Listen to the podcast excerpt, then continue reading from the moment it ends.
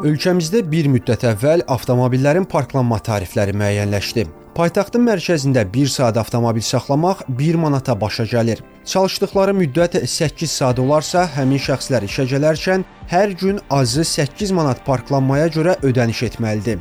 Ay ərzində 22 iş günü olarsa, ayda 176 manat edir. İl ərzində isə təxminən 2112 manat. Bəs vətəndaşlara iş yerlərinin yaxınlığında avtomobili ödənişsiz park etmə imtiyazı verilə bilərmi? Azərbaycan Yerüstü Nəqliyyat Agentliyindən bildirildi ki, güzəşt yalnız yaşayış yeri üzrə tətbiq edilir. Nəqliyyat eksperti Eldəniz Cəfərov isə vurğuladı ki, qaydalara görə bütün yaşayış və qeyri-yaşayış obyektlərinin parklanma yerləri olmalıdır.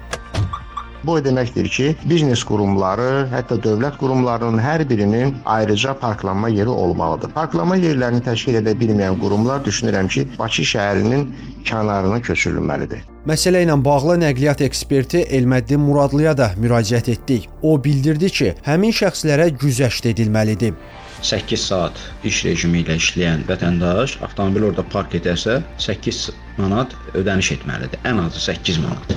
Və bu insanlar güzəşt tələb edirlər, bunu arzulayırlar, istəyirlər. Biz aidiyyatı qurumlarla bu məsələni müzakirə eləmişik. Bildirildiyinə görə bu məsələyə baxılır. Bəzi hallarda deyilir ki, ümumiyyətlə bu mövzu müzakirə olunmur. Amma ə, e, düşünürəm ki, bu məsələyə baxmaq lazımdır. Çünki indiki şəraitdə biz həmin vətəndaşlara alternativ olaraq ictimai nəqliyyat verə bilmiriksə, onları müəyyən yerlərdə, müəyyən ərazilərdə nəzərə almalıyıq. Bəzi şəxslər var ki, Bakının kəndlərində yaşayırlar, amma mərkəzdə çalışırlar. Avtomobillə mərkəzə gəlsələr, onlara ödənişlər gözləyir.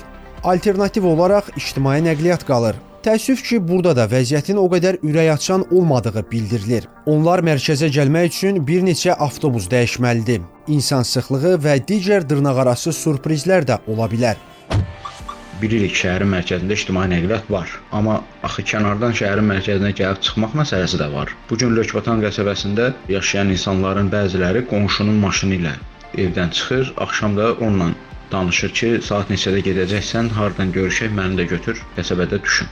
Digər qəsəbələrə manatlıq taksilər olmasa insanlar nə evlərinə gedə bilir, nə evdən çıxıb işə gedə bilir. Yəni indiki şəraitdə düşünürəm ki, ərazidə işləyənləri nəzərə almaq lazımdır və bu baş verməsə müəyyən problemlər yarana bilər. Yəni konkret olaraq bütün ərazidə işləyənlərə güzəşt tətbiq olunmasa da, müəyyən ərazilərdə bunu tətbiq etmək mümkündür. Və bu məsələyə yenidən baxılmasını arzulayıram və düşünürəm ki, aidiyyatı qurum bu məsələyə həssas yanaşacaq. Qeyd edək ki, parklanma ödənişləri bəzi ərazilərdə tətbiq olunur. Mərhələli şəkildə digər ərazilərdə də tətbiq ediləcək. Yaşayış yerinin yaxınlığında parklamaya görə vətəndaşa fərdi parklama talonu verilir. İş yerlərinin ətrafında parklamaya görə isə güzəşt yoxdur.